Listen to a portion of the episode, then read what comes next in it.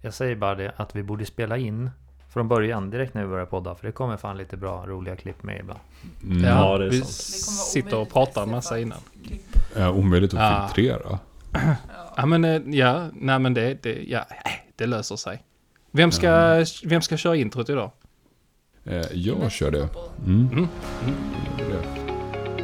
Hej och välkommen till Finansinstapodden med Oskar Fagler, Investment Couple, Pengabingen och Sparfysiken. En avslappnad podd om ekonomi där du får vara med och styra innehållet. Hej och välkomna till ett nytt avsnitt av Finansinstapodden. Det är tisdag igen, det är förhoppningsvis bra väder och vi är tillbaka. Vi var inte med förra avsnittet, vi eh, Investment Couple. Så att, Precis, så nu är vi alla Mm. här samlade. och vi välkomnar er till eh, en ny vecka, ett nytt avsnitt. Det var så lugnt och skönt när ni inte var med. Ska ni Ja, nej, nej, jag har saknat det jättemycket. då fick ni i alla fall komma till tals, eller? Ja, Mm. exakt. Lite så. Ja, jag tänkte på det förra avsnittet. Jag pratade mer än jag brukar och det kanske har med det att göra. Att vi inte var med. ja, men så är det säkert ju. Mm. Ja, men nu är vi alla samlad skara här inne i alla fall. Hur, eh, eh, ja, hur är det med alla egentligen? Är det bra? Det, det är jättebra. Vi har haft en massa grejer som vi har hunnit med nu i dagarna och sådär. Vi har haft Mm. ganska mycket sådana här privata ärenden att hinna med. Mm. Eh, Men, eh, men det, det är ju Småfix så. liksom. Ja, Ja, precis. Som tar tid. Ja, och precis. Och så har man jobbat mycket och man har inte riktigt haft tid att bara liksom sitta i soffan och, och, och bara koppla av. Ja, jag vet precis vad du menar. Det är liksom, det är en massa småfix som bara, man ska åka hit och man ska åka dit och allting tar sin tid liksom. Och, och jag har ju en del körvana och jämför jag senaste åren så märker jag att alltså, trafiken har blivit hemsk det här året. Mm. Det, Ja, jag vet inte, kan det ha att göra med att alla åker bil nu? Förmodligen. Eh, Folk åker med mindre, mindre buss och eh, tåg och eh, spårvagn och precis. sånt va? Ja, så, Så- att i rusningstider är det nästan omöjligt att ta sig någonstans. Ja. Här nere i Skåne, nu, nu kör jag ju norrut när jag jobbar, men jag körde mycket söderut förr på, och det är helt annorlunda. Jag har mycket bättre väg att köra nu än vad jag hade förr, när jag pluggade. Så jag märker inte av det. Jag åkte ju tåg också rätt länge. Vi har bra tågförbindelser här nere. Men så kom det corona och då började jag ta bil. Men jag har faktiskt inte märkt av det så mycket, tack och lov.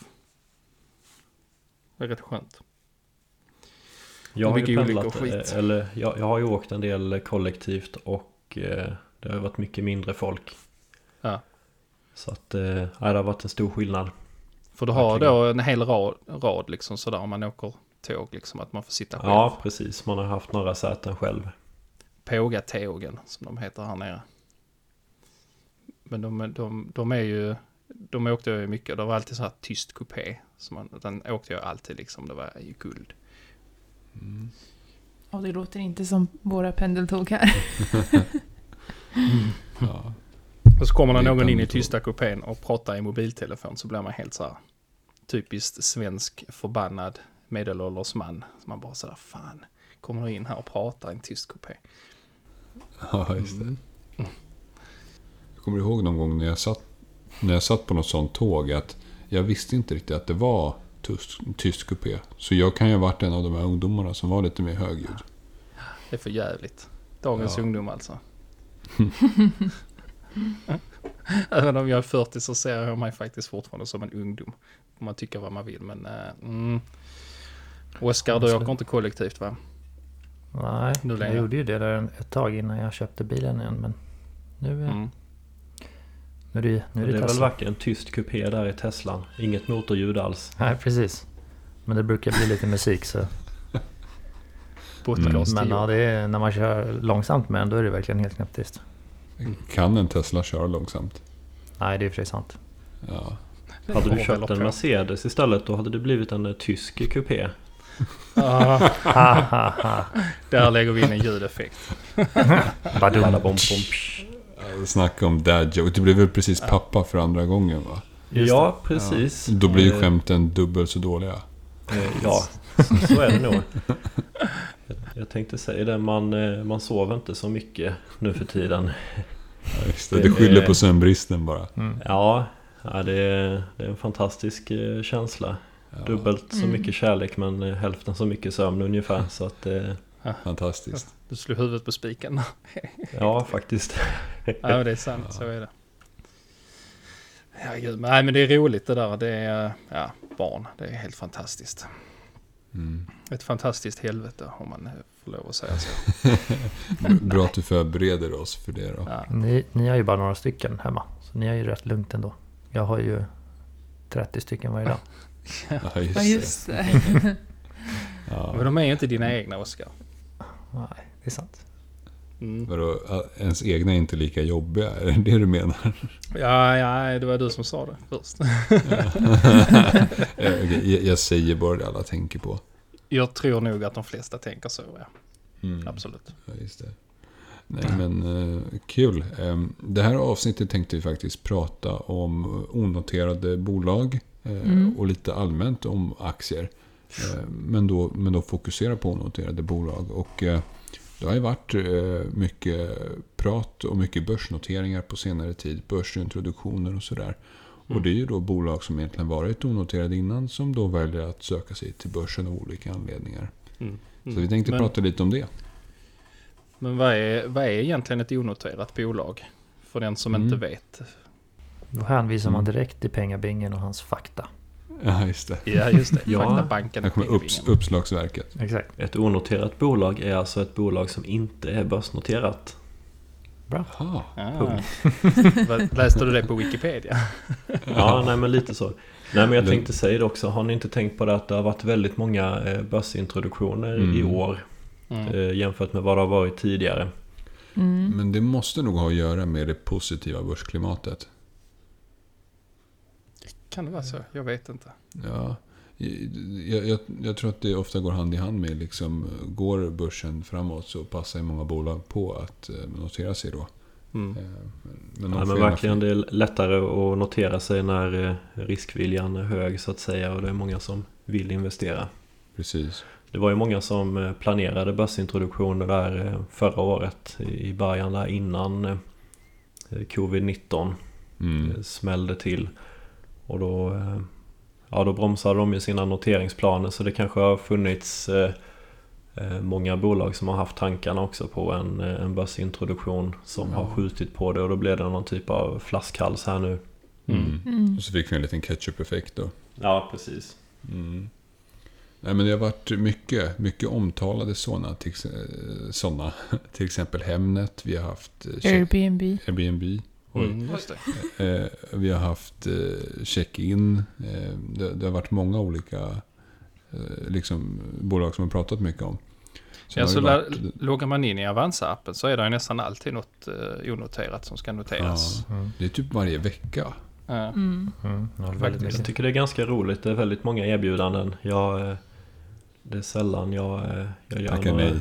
Ja, ja nej men jag, jag brukar alltid läsa för jag tycker det är spännande med de här nya, Ja. nya bolagen. Och jag lyssnade mycket på eh, Anders Borg där innan eh, Check-ins eh, notering också. Han var ju med i alla poddar nästan. Mm. Och pratade om check-in och... Nej, många spännande, spännande bolag. Mm, absolut. Sen så har det varit en del SPAC också som har varit mycket på tapeten främst i höstas också.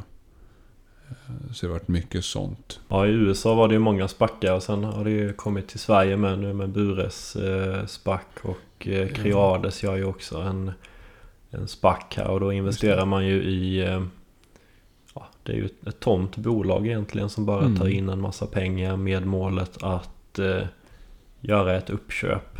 Ja, och då Eh, blir det att man liksom går bakvägen in på börsen på ett sätt. Ja, precis. Mm.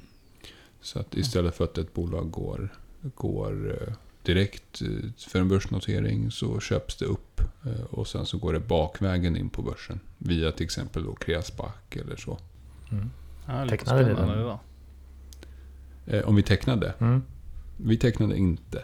Ja, jag gjorde det faktiskt. Det gjorde det. Mm. Jag tror man får Mm. tilldelning imorgon va? Blir det? Nu Ja, spelar vi in podden den 22. Så, Det, de hade väl det bara på Avanza va? Mm, så var det nog. Ja, det kanske var därför vi inte kikade på det. Vi använde oss av eh, Nordnet så. Mm. Men var, Mm. var, om vi då pratar onoterat liksom, vad, vilken risknivå ligger det? Var, var hittar vi detta på risk, risktrappan, eller om man ska kalla det? Ja, ska vi, ska vi försöka liksom skapa någon form av eh, risktrappa då? Ja, så försöker vi Eh. pricka in var det här ligger någonstans på, på den där trappan. Men ska vi börja då med de, de med lägst risk när man investerar då? Mm. Eh, och- Och liksom innan man börjar ens med aktier så finns det ju vissa olika tillgångar som man anser är av lägre risk. Eller framförallt då lägre volatilitet. Eh, Och ofta är det liksom mer stabila eh, tillgångsslag. Och Mm. det första man tänker på då är väl kanske räntor. Precis. Och sen så, sen så finns det ju eh, obligationer, råvaror och massa annat också eh, som man kan investera i. Men som kanske inte är så jättepoppis eh, i dagsläget med dagens, eh, ska, vad, ska man kalla det, eh, poli, i dagens politiska läge, i dagens ekonomiska läge. Ja, det faller väl oftast in, eh, alltså jag tänker råvaror och sånt faller väl in näst, alltså, i fonder och liknande. Att det mer börjar bakas Mm. in i det där. Precis. Ja. Och sen så ska man skruva upp risken lite. Då brukar man ju prata om tillgångar som rör sig mycket mer på kort sikt. Ehm, Och eh, som kanske är mer riskabla då. eh, vad- Hur man nu definierar risk. Men då kanske man kommer till fonder. eh, Olika typer av fonder.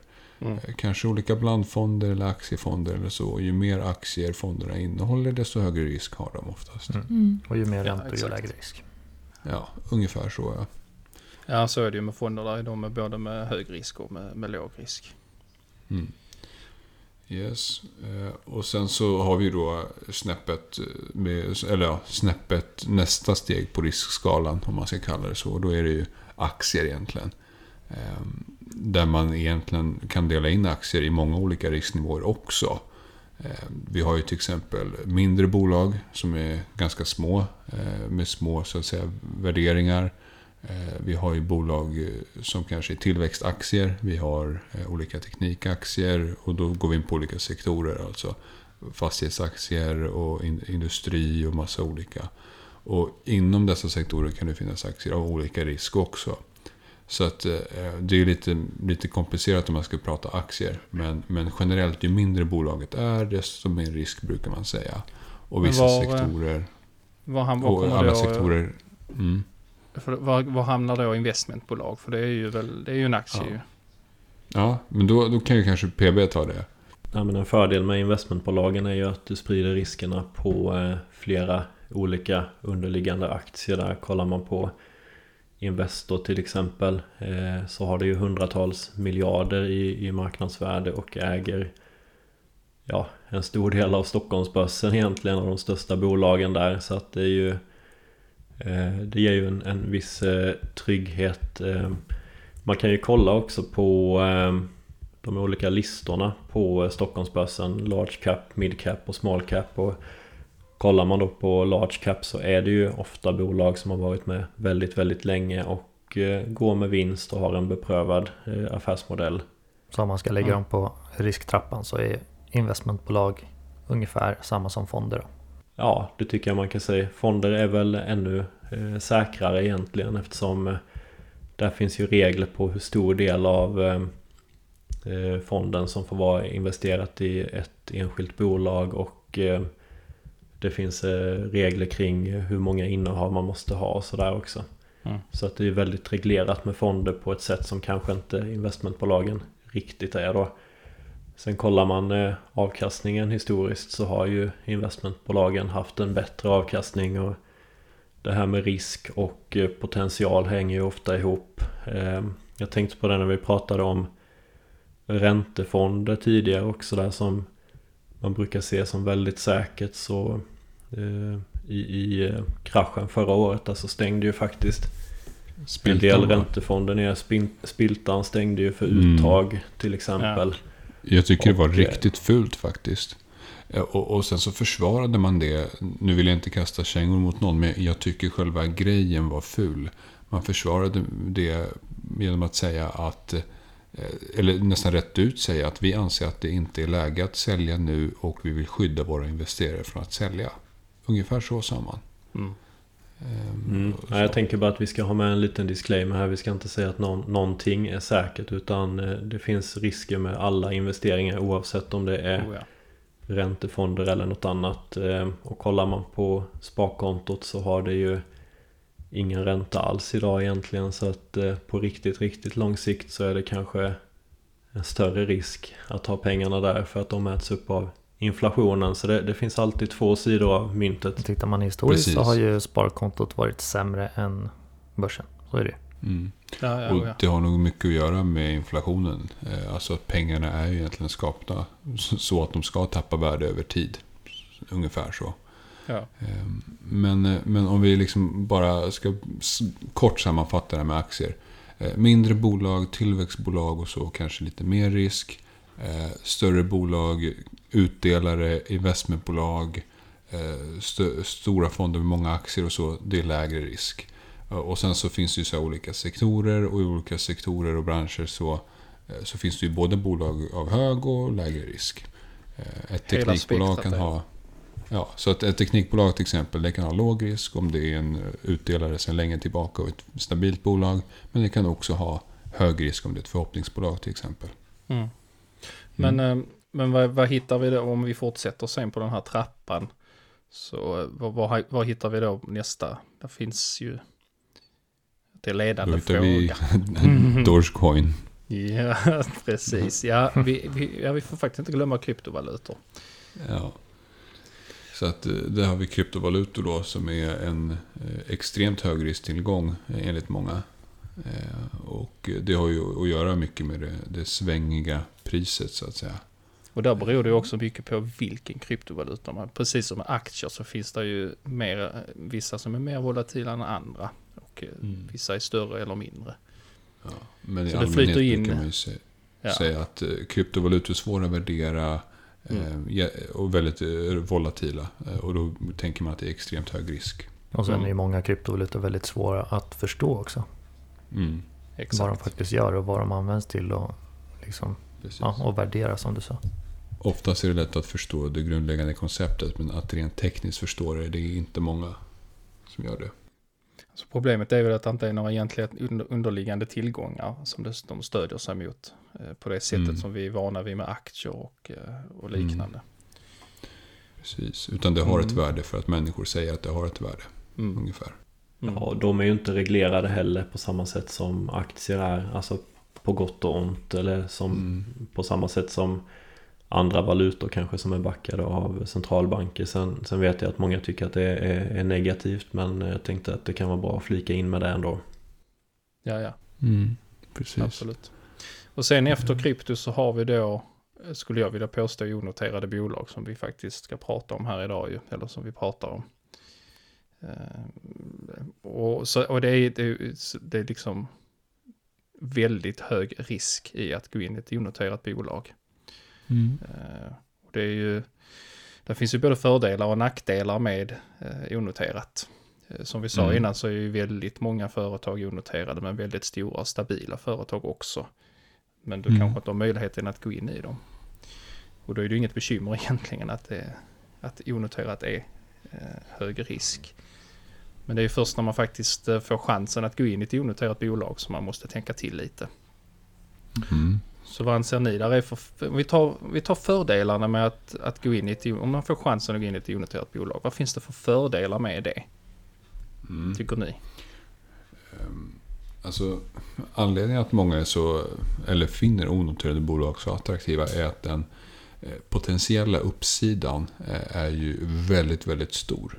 Mm. Eh, Det är många eh, som inte riktigt fått upp ögonen för bolaget och man anser att man kan komma in tidigt i ett bolag som man tror på. Eh, Den största nackdelen vi ser är att det kan ju i värsta fall gå i konkurs och pengarna kan gå till noll. Mm. Exakt.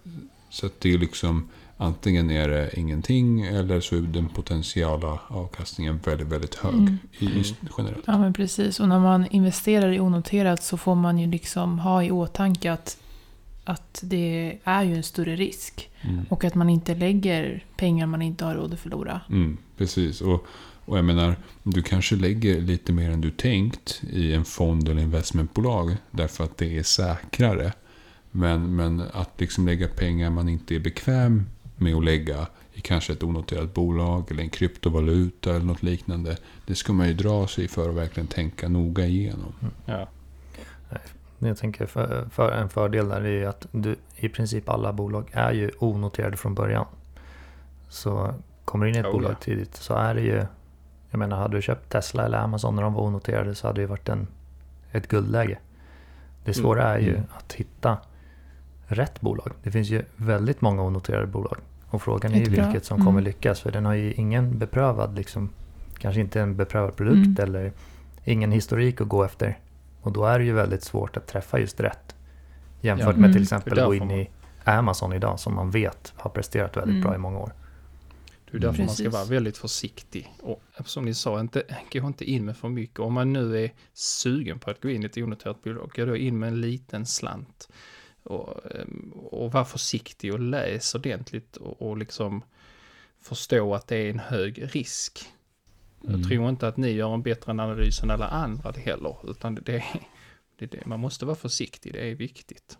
ännu viktigare där att- sprida riskerna och, eh, och, och att man gör en egen analys också. Verkligen går igenom bolaget. Vilka är det som står bakom? Eh, Och det är ju egentligen ju mindre eh, aktier man kollar på generellt. Ju viktigare är det att kolla på vilka eh, entreprenörer som finns och hur det ser ut i ägarlistan till exempel. Och sen en viktig, viktig grej man bör nämna också med onoterat är att eh, det är ju betydligt svårare att handla med de här aktierna också. De finns ju inte på någon marknadsplats eh, på det sättet utan eh, det kan ju bli att man binder sitt kapital på, på, på en längre tid och då är det ju viktigt att det är pengar som man inte behöver eh, Mm. inom, Mm. inom en viss framtid. Det Ja. Alltså det enda sättet att, att, sälja, att sälja sina onoterade aktier det är väl om du hittar någon som verkligen vill köpa det och verkligen säljer det öga mot öga om man kan säga så. Eh, Som jag har förstått det. Ja det finns ju lite ha- handelsplatser för eh, onoterat. P-pins är ju en sån Mm. till exempel. Eh, Men där är det väl en gång i månaden tror jag man kan handla med Spiltan-aktien är ju noterad där, investmentbolaget. Mm. Eh, På den handelsplatsen så att det, det är ju väldigt sällan man kan handla med den. Mm. Sen är det också, eh, onoterade bolag är ju svåra att värdera också. Just för att det oftast är förhoppningar de lever på. Mm. Eh, Just för att det är så tidigt skede. Så det är ju det är också en nackdel att det är svårt att hitta, liksom, vad är det här värt? Hur mycket är en aktie värd? Och det ser man ju också, eh, jag, jag kommer ihåg när, eh, när man följde Kinnevik och de hade en stor post aktier i Zalando som var onoterat. Och plötsligt blev det uppvärderat väldigt mycket och Kinnevik-aktien gick ju, den gick ju som tåget här under en period eh, i takt med att de här Zalando-aktierna eh, uppvärderades. För det var ju sådana här kapitalanskaffningsrundor då. Och likadant med Vostok New Ventures eh, som eh, hade det här eh, ryska blocket eh, Avito. Det var ju samma grej där. Det blev ju en jättestor del av deras onoterade portfölj då och sen eh, ja, de gjorde ju en jättefin placering där men, eh, men det är liksom svårt att få inblick i det. Så att man Mm. får väl eh, Ja, det, det är viktigt att man är långsiktig helt för enkelt. att där. flika in där, det är ju, onoterade bolag är ju faktiskt det som har avkastat bäst historiskt. Onoterade tillväxtbolag. Och det är ju, men då är det även förknippat med en mycket större risk, så är det ju. Ju mer avkastning du kan få, ju mer risk är det. Ja, men vi, vi har ju investerat i, i en handfull Mm. Ja. eh, onoterade bolag. Eh, Och vi har ju ett, eh, eller vi har en, en några enstaka procent av, av, Hur vår- många procent skulle du säga? ja, men av våra totala eh, liksom, tillgångar så kanske vi har en 4-5 procent i Mm. onoterat innehav. Och det är eh, liksom så mycket som vi är bekväma med och vi tänker inte öka den andelen. Mm. Eh, Men däremot känns det bra att, att ha det precis på samma sätt som vi vill ha exponering mot till exempel kryptovalutor. Eh, Så. Eh, Och vi skulle också kunna tänka oss att ha exponering mot till exempel guld och annat också. Så vi gillar att ha massa olika tillgångar och att allt inte bara är i börsnoterade aktier. Eh, Så att just det här att ha den här lilla kryddan med onoterade bolag, det gillar Mm. vi väldigt mycket. Mm. Så att vi har ungefär en 100 000 eller sådär Mm. i onoterade bolag. Och sett till vår alltså totala, Totala. mängd Mm. pengar så är det ju en bråkdel bara. Mm. Mm. Mm, jag har också några procent faktiskt i onoterat. Jag tror jag börjar närma mig 200 000 snart i kronor. Eh, Men det är också som sagt ensiffrig procent av totala portföljen. Ehm, Men ja, jag tycker, det är, jag tycker det är kul att ha lite hög risk helt enkelt i, i kanten av en stabil portfölj. Men har du, har du flera olika innehav då Oskar? Eller har du Mm, jag har 200 flera. 000 i ett och samma? Nej, jag har flera onoterade bolag. Mm. Du sprider risken inom i onoterade bolag också liksom genom att ha det i Exakt. flera olika. Exakt. Ja, det låter klokt. Jag, jag har inte exakt procentsiffra på hur jag har, men jag har något i onoterat bolag också och det är en extremt liten del av min portfölj.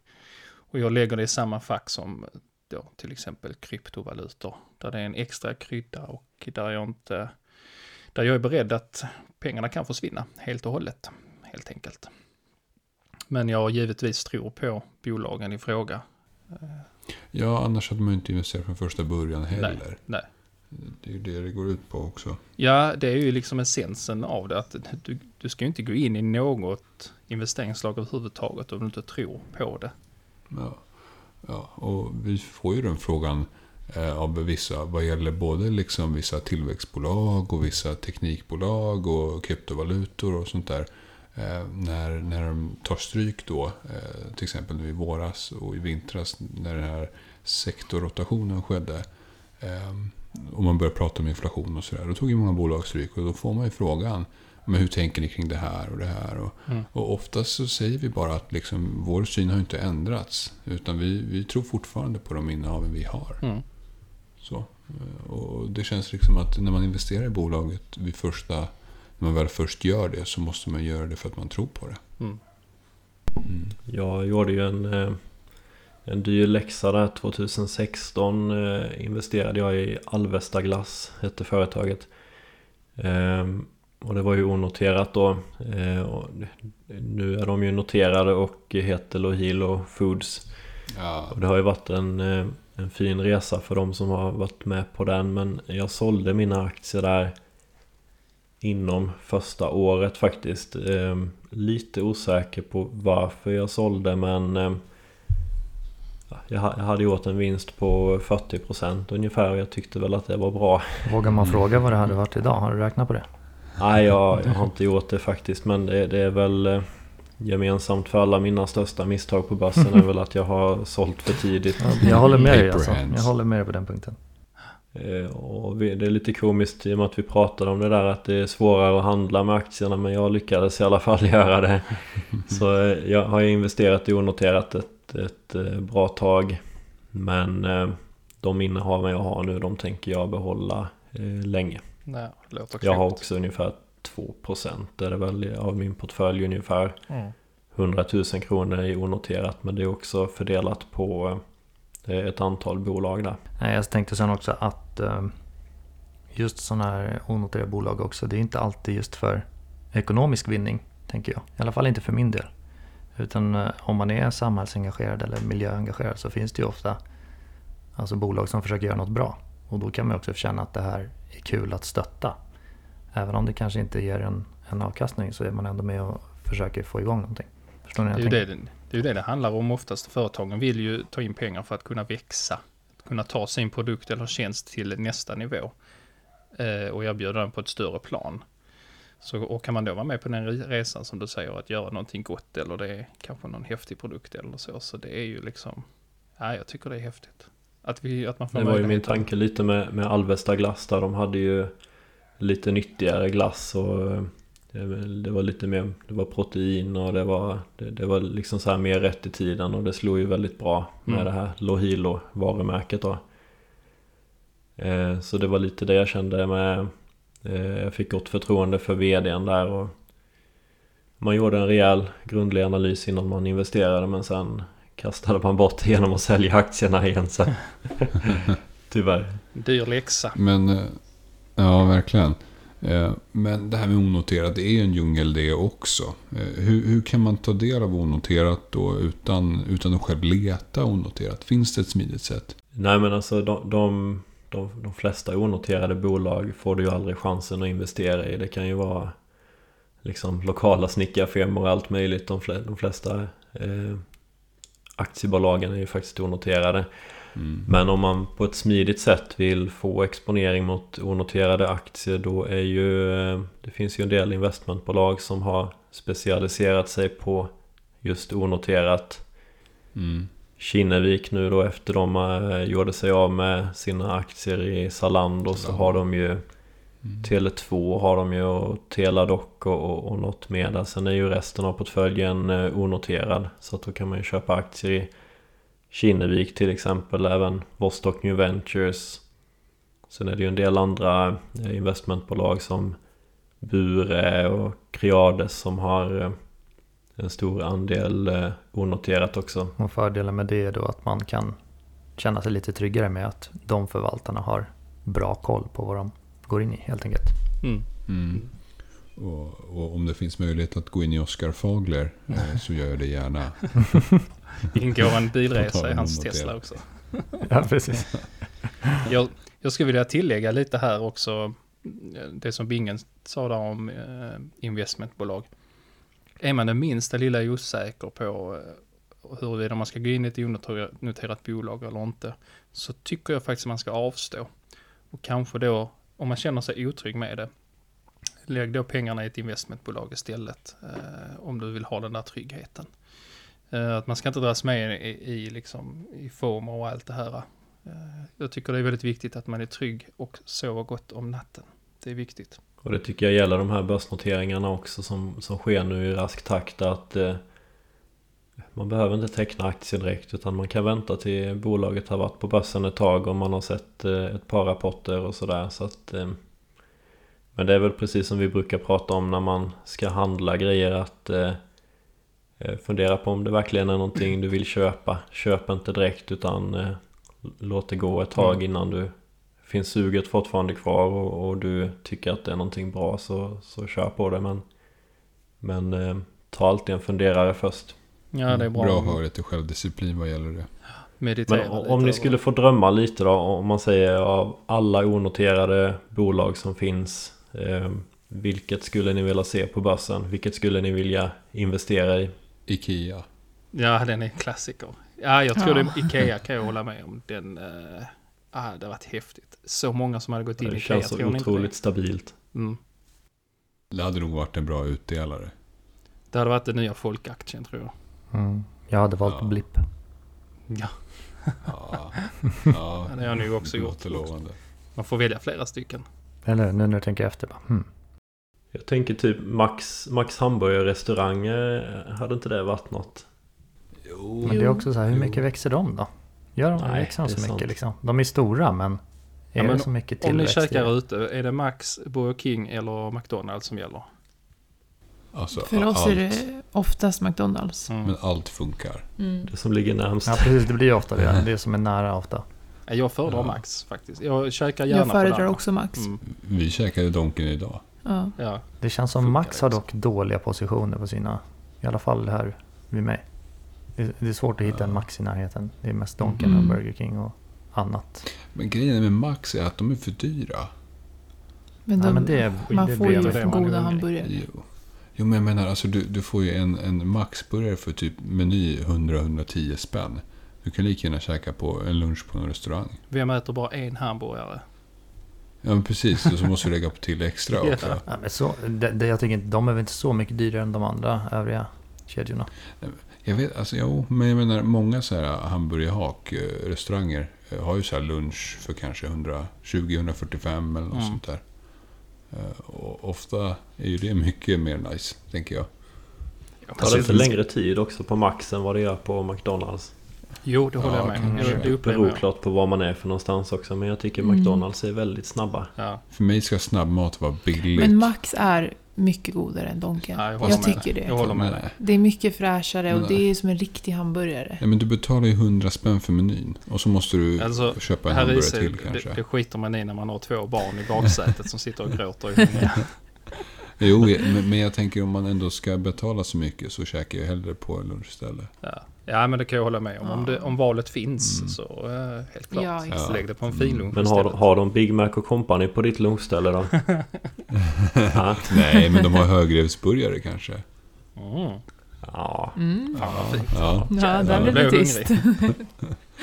Blir riktigt hungrig här. ja. Gud vad sugen jag blev på Max. ja nej, nu får vi avrunda här. Ja, vi åker, vi flippar ut som åker vanligt och igen. eh, handlar aktier i Max nu då helt enkelt. Ja, ja precis.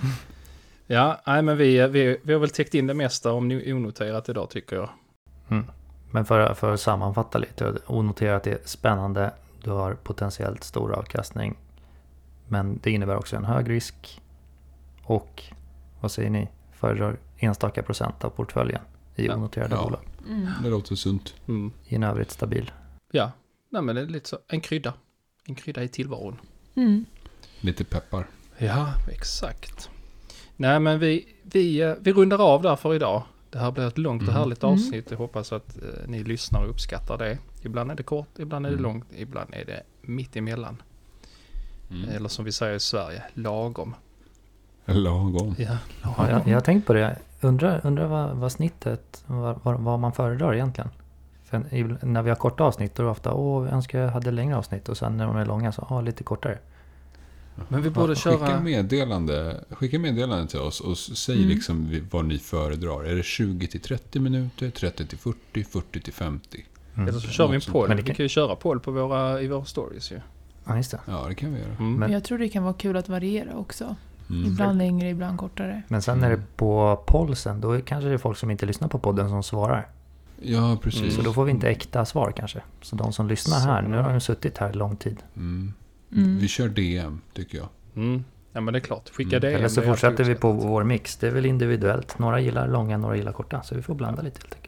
Mm. Ja, ja. Vissa Precis. teman kräver ju Mm. lite längre. Säg gärna också vad ni tycker om ljudkvaliteten. För vi, vi sitter ju i olika delar av landet och en Mm. del säger att vi har jättebra ljud och en del säger att vi har väldigt dåligt ljud.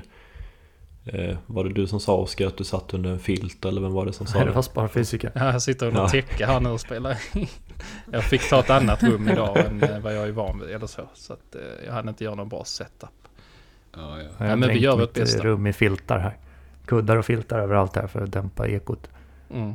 Ja, ibland är det lite barnskrik i bakgrunden och ibland är det fåglar som kvittrar. Och Mm. det, Ja. det får vara lite så. Alltså, vi är jag- inga podd, poddproffs. Jag tycker inte det gör någonting. Ibland åker det förbi Nej. någon... eh, Ibland åker det förbi någon bil eller något här utanför mitt fönster och tittar ut lite argt så här. Hallå, tycker det är lite kul. Här. Jag poddar. Jag lyssnar ju på många andra eh, aktiepoddar också och då, då säger de så här Ja, vi sitter här i studion liksom någonstans på något trendigt ställe i Stockholm och så har de någon fin gäst och sådär. Så tänker jag, ah, det hade varit något att haft en sån där studie. Mm. Mm. Det hade Då, då får vi åka långt bara varje gång vi ska podda. Det är problemet. Ja, det hade ju inte funkat. Halva Flyga Sverige. till Stockholm en gång i veckan. Ja, varför Mm. inte? Nej, men det, den, här, den här lösningen funkar ju faktiskt jättebra. Att köra så här online. Och eh, Mm. vi sitter Mm. på våra, hemma på vår kammare. Men någon gång kanske vi kommer eh, lajva tillsammans på plats. Om Mm. bara den här pandemin Mm. lägger sig ordentligt och så, så kommer vi säkert träffas upp och spela in på plats Mm. någon gång. Kanske en Mm. livepodd eller någonting, vem vet. Ja. All right. Ska vi, eh, ska vi eh, sluta här för Det idag? tycker jag. Mm. Tack till Då alla alla- lyssnare. Ja, tack så mycket. Ha det gott allihopa. Detsamma. Yes, ha det bra. Ha det bra. Ha det bra. Hej hej.